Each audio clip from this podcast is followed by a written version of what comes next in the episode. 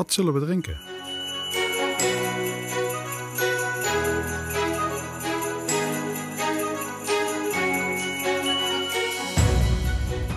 Hey allemaal, welkom bij weer een aflevering van Wat zullen we drinken? Een podcast waarin we niet alleen bieren bespreken met een goed verhaal, maar ook het leven vieren in al zijn facetten. Ik ben jouw podcastlijn Bas en vandaag hebben we weer een vers getapte aflevering voor je klaarstaan. Samen tellen we af naar kerst. Dus pak het bier van de aflevering uit het vakje, ga lekker zitten en laten we samen het leven een beetje mooier maken. Proost!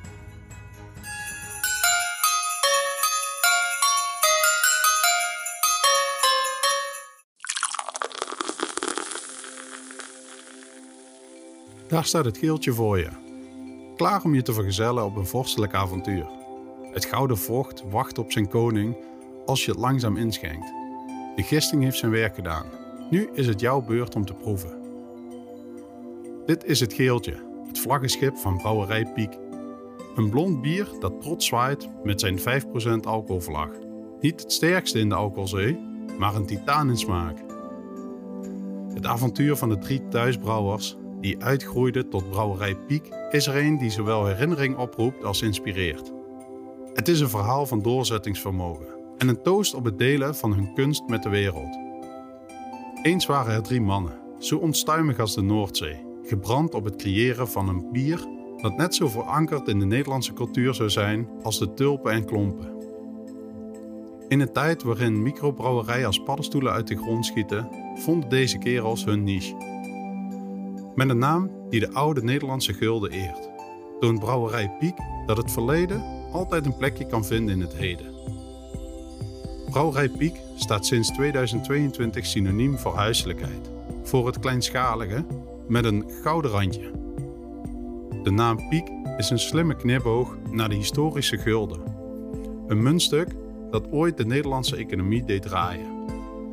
Het logo is een ode aan de vergaande glorie van de Nederlandse munteenheid. Een teken van respect voor wat geweest is. Met hun bieren die namen dragen van oude muntbijnamen, brengen ze een toast uit op de Nederlandse rijkdommen, zowel cultureel als vloeibaar. De reis van brouwerij Piek van thuisexperiment naar commercieel bier is een tocht van duizend mijl, gestart met één enkele slok. Ze deden alles: klagen, proeven, aanpassen en vieren. En toen het geeltje werd geboren, was het duidelijk dat dit bier een plaats verdiende in de wereld van de dorstige zielen. De naam Het Geeltje vertegenwoordigt niet alleen een bier, maar een erfenis. Het is een reminder aan de tijd toen handel gedreven werd met fysiek geld, waarbij elke munt zijn eigen verhaal droeg. Nu dragen de bieren van Brouwerij Piek deze verhalen verder. Vloeibaar erfgoed, gegoten in een glas. En terwijl je geniet van de zoetige, heldere tonen van het geeltje, denk dan aan de vreugde van delen. Het bier brengt ons terug naar de kern van kerst, het vieren van tradities en het maken van nieuwe herinneringen.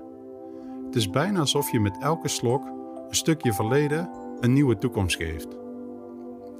En met die gedachte schenken we nog een ronde in, in afwachting van het volgende hoofdstuk. Proost op die goede oude tijd en op de nieuwe tijden die we samen creëren. Jasper legde zijn sleutels neer op de gangtafel en liep met gemengde gevoelens naar de woonkamer. Het bezoek aan het oude landhuis van zijn oma Clara had meer vragen opgeworpen dan antwoorden gegeven. Met het kistje onder zijn arm plofte hij neer op de bank, zijn ogen gefixeerd op het oude sierlijke hout dat de doos vormde. Het had een antieke charme, compleet anders dan de moderne gadgets die zijn appartement vulden. Voorzichtig klikte hij het slotje open en tilde het deksel op. Daar lag een handgeschreven briefje.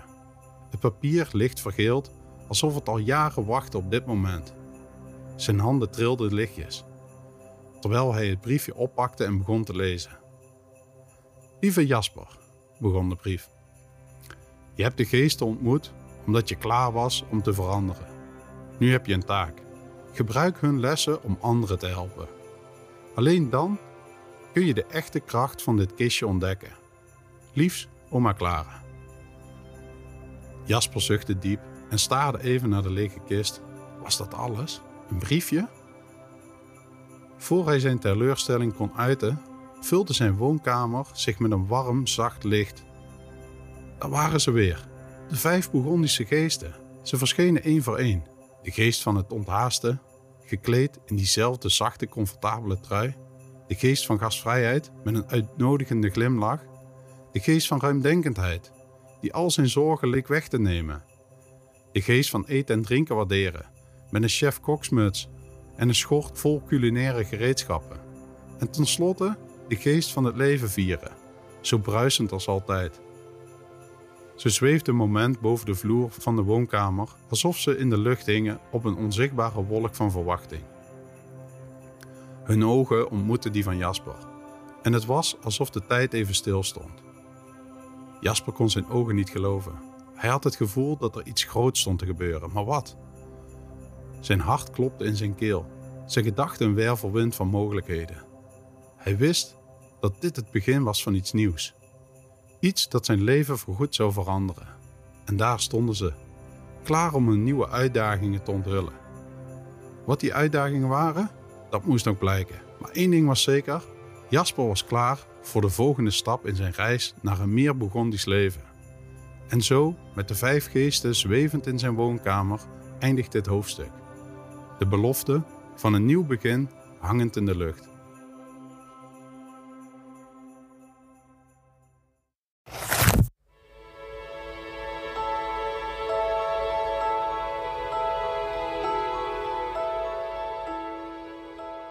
Zo, beste Bourgondiërs. Dan zijn we aan het einde van weer een hoofdstuk. En een prachtig glas bier. We hopen dat je net zo hebt genoten als wij. Vergeet niet, het leven is te kort om slecht bier te drinken en saaie verhalen te horen. Morgen wacht een nieuw hoofdstuk en een nieuwe smaak. Maar voor nu, proost op het goede leven. En tot de volgende Wat zullen we drinken aflevering.